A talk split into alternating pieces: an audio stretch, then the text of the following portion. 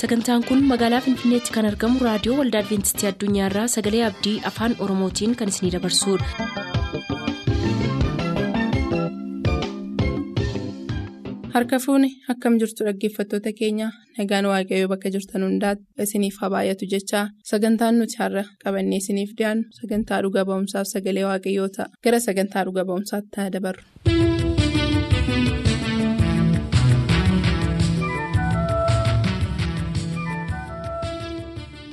Gooftaatti kan jaallatamtan kabajamoota dhaggeeffattoota sagalee abdii harka fuuni akkam jirtu sagaleen abdii torbanitti guyyaa tokko sagantaa dhuga ba'umsaa qabattee isiniif dhiyaataa turuun isheen yaadatama maarree har'as sagantaa dhuga ba'umsaa isiniif qabattee dhiyaatteerti.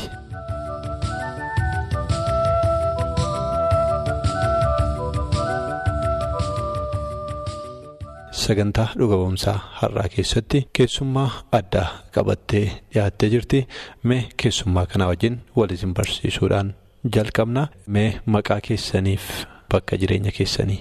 Tonaaree Roobaa jedhama. Tole eessadha bakki jireenya keessanii biyyi keessaneessa. Shaakkisoo Duwwaa sadi. Godina Gujii aanaa Odoo Shaakkisoo magaalaa Shaakkisoo ganda Duwwaa sadii keessa jiraatu obbo Tonaareen. Obbo Tonaareen ka olitti sagalee isaaniitiif teessoo isaanii dhageessan kun karaa reediyoo dhugaa kana dhaga'uudhaan dhugaa kana fudhatanii gara waldaa adventistiitti erga makamanii bubbulaniiru. Nullee odeeffannoo kana dhageenyee obbo Tonaaree haasofsiisuudhaaf gara godina gujii aanaa odoo shaakkisoo magaalaa shaakkisoo ganda duwwaa sadii hanga mana isaaniitti deemnee turre mana isaaniitti erga waliin. Wal arginee wajjiniin turree booda gaaffiif deebii godhuudhaaf gara waldaa adventistii guyyaa torbaffaa magaalaa shaakkisoo jiruutti deebinee gaaffiif deebii kana kan gochaa jirru achirraatii turtii keessan nu waliin godhadha.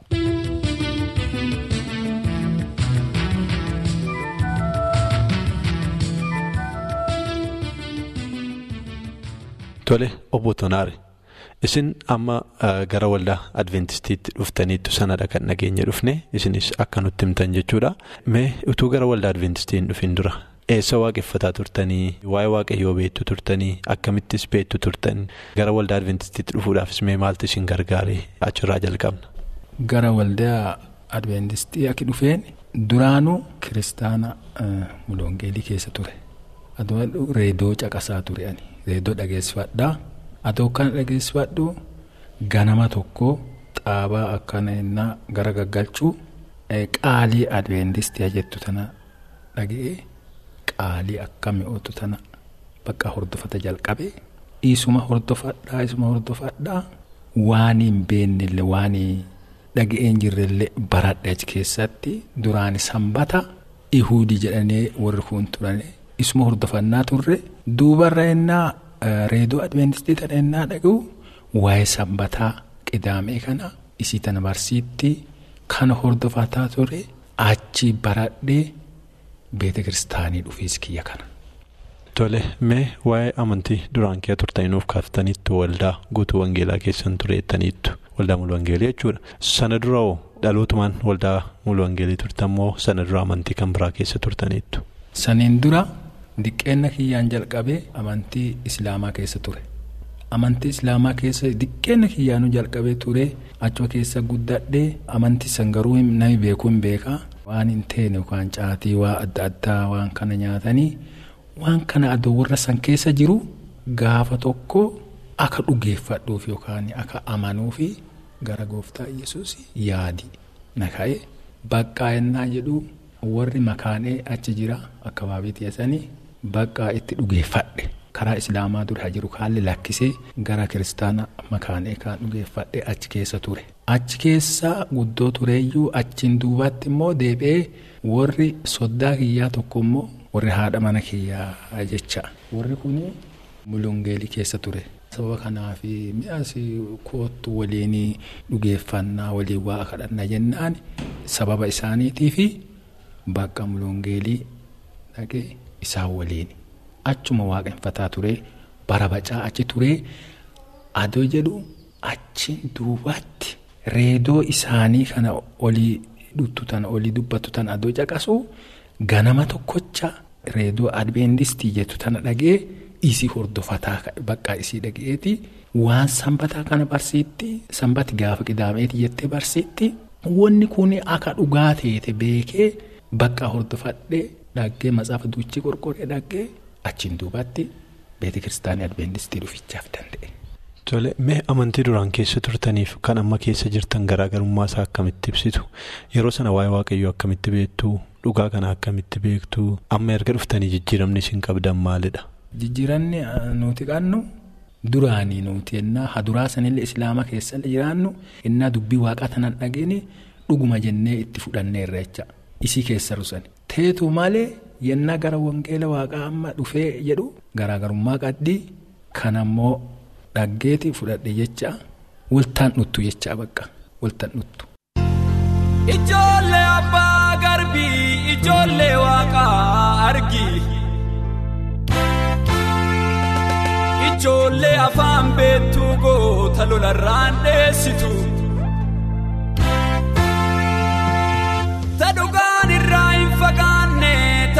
Ta sheexanallee hin sodaanne. harkaa qabaa yoo geeddarre maal qaba iyyesuusuma jabaan sheexanni duwwaa sobaa sheexanni duwwaa sobaa sheexanni duwwaa sobaa. Dhaggeeffatootaa obbo Tonaareen dhugaa adda baafatanii dhugaa duukaa bu'uuf murteeffataniiru isinoo gaaffii kana isiniif dhiifnee dhuga ba'umsa obbo Tonaaree itti fufuuf torbanitti beellamannaatii nagaatti. Harka rukutaati kafaarsinaa iljedhaati.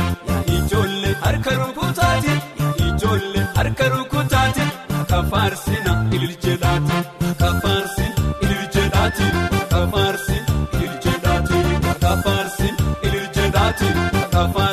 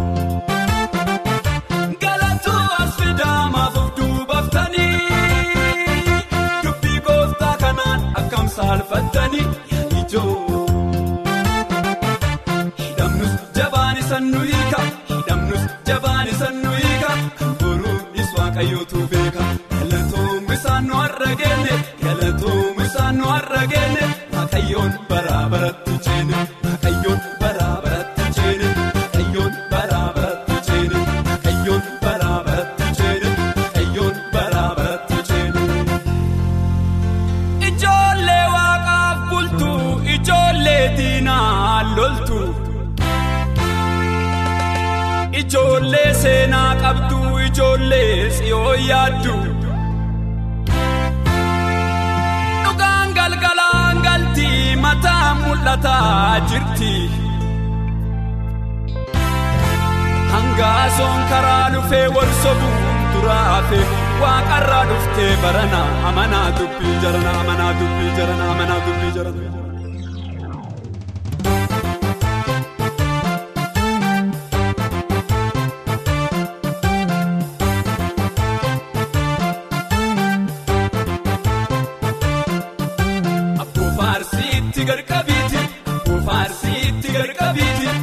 Kenna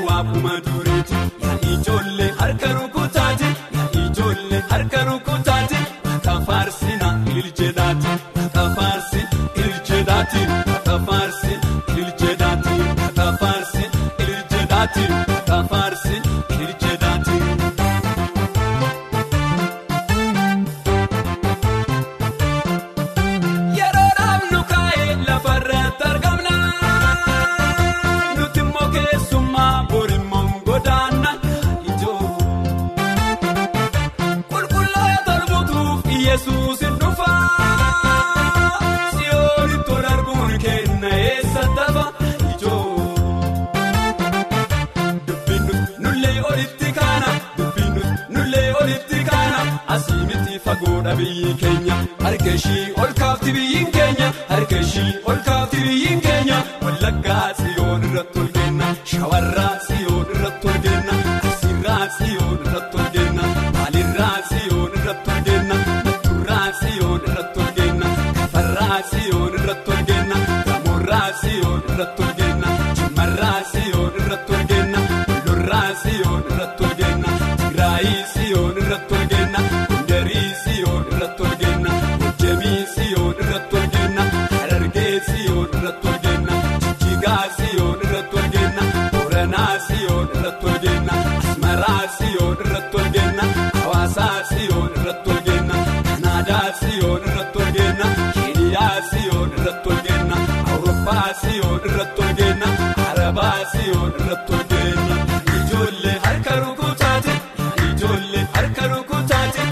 faarsina iljeedhaati.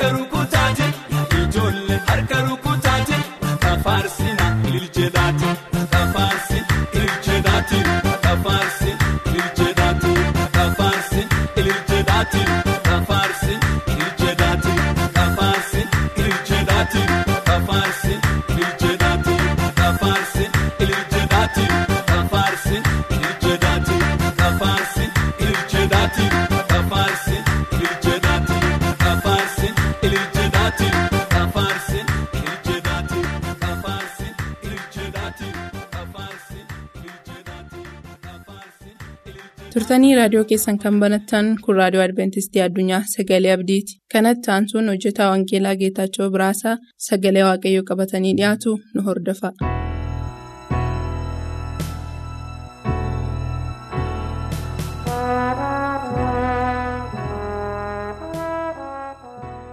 kabajamoota dhaggeeffattoota keenyaa bakka jirtan hundumaa teessanii raadiyoonii keessan banattanii nu hordofaa kan jirtan nagaan waaqayyoo isinii wajjin haa ta'u jechuun jaalladha yeroo darbe mata duree adda addaatiin sagalee waaqayyoo waliin qorachaa turuun keenya ni beekama har'as mata duree biraatiin walii wajjin macaafa keenya akka qorannuuf qabannee dhiyaannee jirra isinis bakka jirtanitti nu iddoo kana. kan jirrus waaqayyoo akka wajjin ta'uuf bakka jiraannu hundumaa mataa keenya gadi qabanneen kadhannaa. Bara baraan kan jiraattu jaallatamaadhaaf amanamaa abbaa keenya si galateeffanna nu ijoolleen kee barootaaf yeroo jiraanne keessatti ayyaanni kee faraarri kee nuuf baay'atee nagaan kee nagaa keenya ta'ee karaa hundumaaf haala hundumaa keessatti nu gargaartee yaa waaqayyo gooftaa warra jiraatanii har'a ga'anii.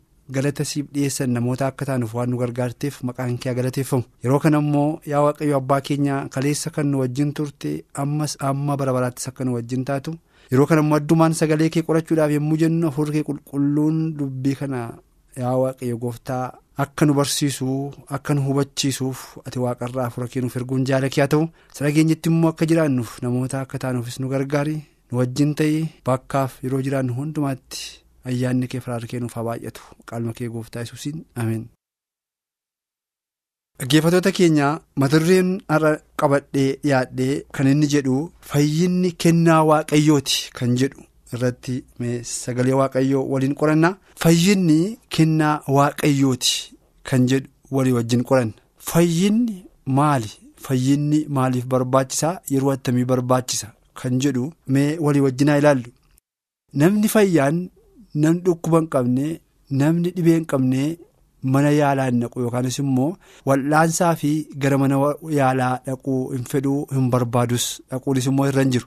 Gara mana yaalaa yookaan gara mana wal'aansaa kan dhaqu nama dhukkuba yookaan dhibee qabuudha kanaaf egaa warra dhukkuba qaban warra rakkina qabantu abbaa qorichaa barbaada malee warri fayyaa qaban abbaa qorichaa hin barbaadanii jedhe gooftaan kanaaf dubbate. Kanaaf egaa. Fayyinni kennaa waaqayyooti kan jedhu kuni waa'ee maalii nu barsiisuu barbaade laata mee walii wajjin ilaalla fayyinni kennaa waaqayyoo waan ta'eef kan nuti fayyinee hojii keenyaan akka hin taane paawuloos jabeessee dubbata waaqayyo jalqaba yommuu nama uume nama guutuu godhee mudaa hir'ina kan hin qabne godhee uume namni garuu cubbuutti waan kufeefi.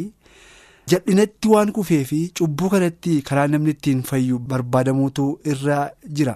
kanaaf cubbuutti kan namni fayyu barbaadamee yommuu argame immoo karaa gooftaa keenya kiristoos duwwaa ta'uu isaati kan hubannu kanaaf egaa cubbuu hojjenneef yakka itti kufne keessatti namni ofii isaatiin of fayyisuu waanta hin dandeenyeef namaaf cubbuu isaatiif fayyina kennuu kan danda'u gooftaa keenya yesus kiristoos akka inni ta'etu nu hubachiisaa jechuudha kun immoo ayyaana yookaan akkasumattiin kan nuuf kenname malee nuyi gatii itti baafnee itti dadhabnee akka hin taanetu nu hubachiisa.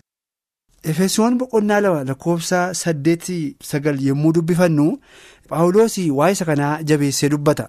Mee dhandhee walii wajjin dubbifanna sagalee kana. Akkana jedha.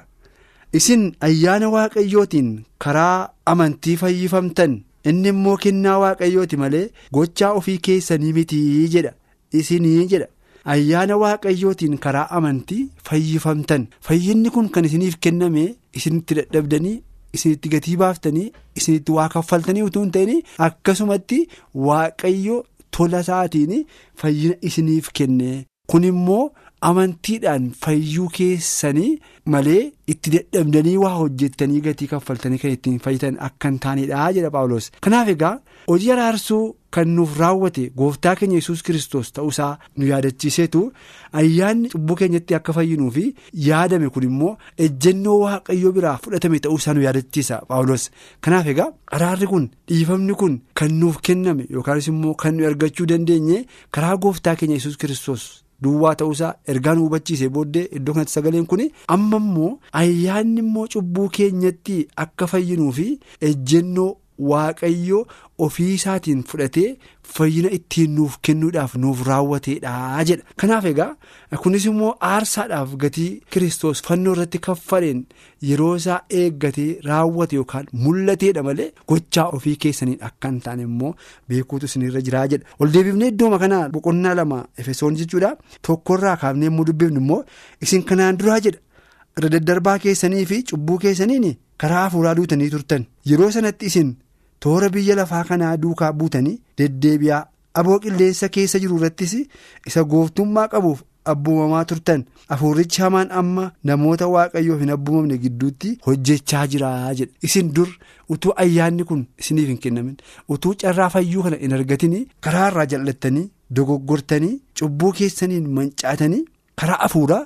Namoota du'oo namoota dadhaboo namoota jireenya hin qabne turtanii jedha garuu yeroo inni itti yaadetti yeroo waaqayyo itti qopheessetti yeroo waaqayyo itti barbaadetti ayyaanni kun waaqa biraa nuuf ta'e karaan fayyinaa nuuf qophaa'ee fayyina kanaan immoo cubbuu keenyatti qullaa'umsa arganne yookaan dhiifamsa arganne jechaadha kanaaf jedha nuti jedha hojii fayyinaa kana keessaa gahee tokkollee akka hin qabne nu yaadachiisa hojii fayyinaa kana keessaa.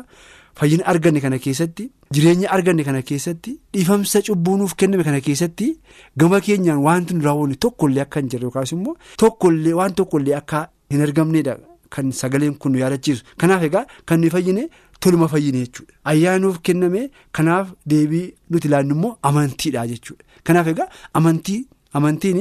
Ayyaa nuuf kenname kana carraa nuuf kenname kana fayyina nuuf kenname kana fudhachuurraan kan baate waa'ee fayyina keenyaatii fi gama keenyaan wanti itti dabalame wanti itti dadhabame wanti itti kafalame fayyina keenyaaf nuuf ta'a jennee nuyi raawwanne tokkollee akka hin jiraannedha gama keenyaan kan barbaachisu egaa ayyaana nuuf kenname kana fayyina nuuf kenname kana carraa nuuf kenname kana amantiidhaan fudhachuu duwwaadha jechuudha amantiin hojii kiristoos nu keessatti akka hojjetuu fi yaada keenya qopheessa yookaas immoo.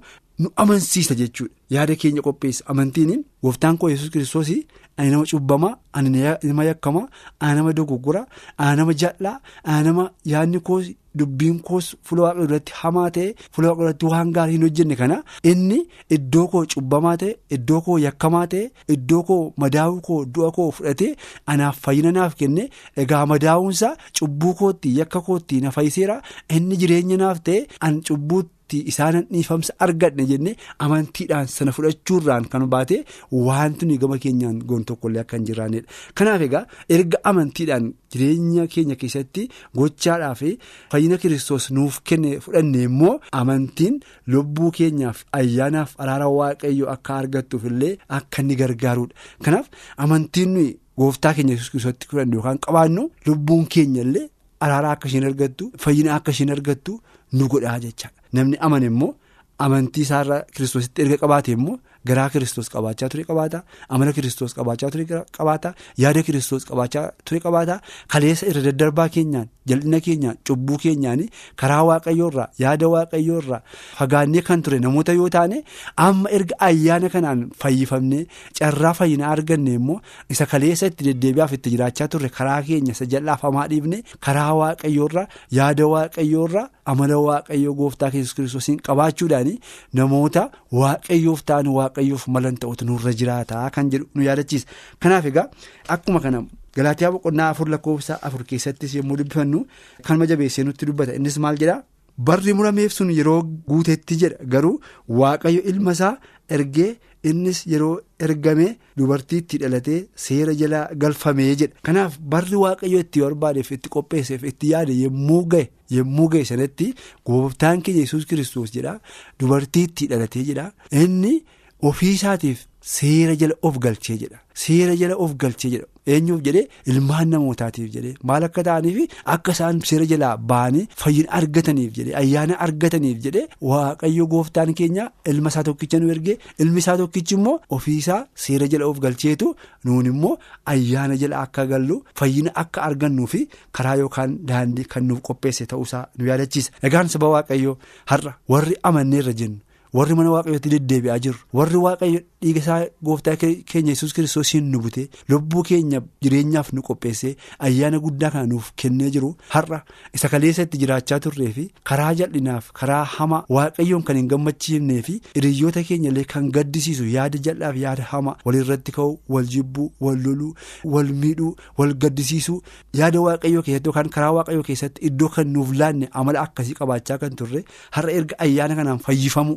Arganne immoo amalli keenya isa kaleessatti jiraachaa turre karaa hamaa sanarraa deebi'ee amala waaqayyoo qabaachuudhaan yaada waaqayyoo namatti agarsiisuudhaan karaa fayyinaa daandii fayyinaa daandii jireenyaa namootatti agarsiisuun kan nurra jiraatu ta'uusaa sagaleen kun nutti dubbata egaan bakka jiraannu hundumaatti sagalee kana dubbifachuudhaanis dhaggeeffachuudhaanis ordofaa kan jirru sirriitti.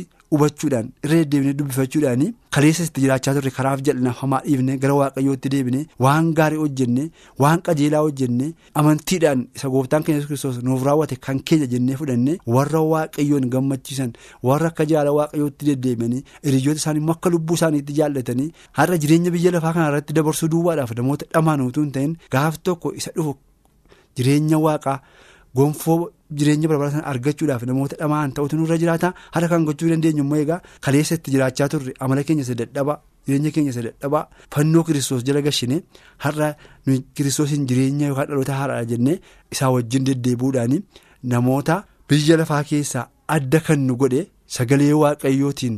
Buluudhaa fi dubbii waaqayyootiin deddeebi'uu keenya waan ta'eef ifa kee jiraachuu keenya waan ta'eef ifni nuyi arganne kun immoo namootaaf ifa ta'ee gara ifa jireenyaa kanatti namoota akka waamuu fi har'a gahee nuyi taphannu gahee guddaa waan ta'eef namoota ofii isaaniif fayyanii karaa fayyinaas namootatti agarsiisan namoota akka taanuuf waaqayyo nu gargaaru isa amanneef isa dhageenyattis jiraachuudhaaf deddeebi'uudhaaf itti eebbifamuudhaaf akka jiraannuuf waaqayyo nu haa eebbisu bakka jiraannu hundumaatti ayyaanni waaqayyo nuuf haa baay'atu. Yeroo biraa mata duree biraattiin deebinee amma wal agarruutti bakka jiraattan hundumaatti waaqayyo isin wajjin haa ta'u. Nagaan tura.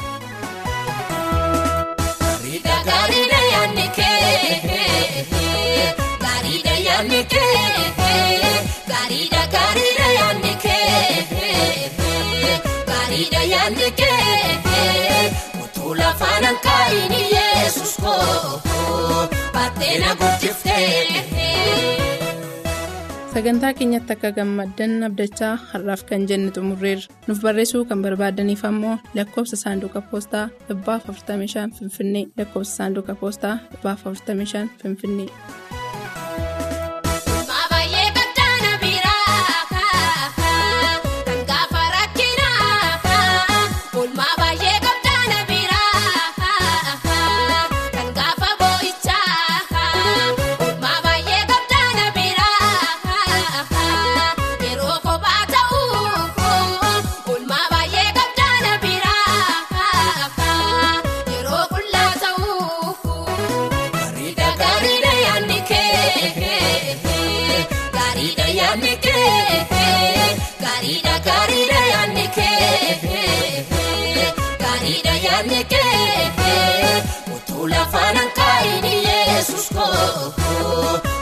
na gootiftee.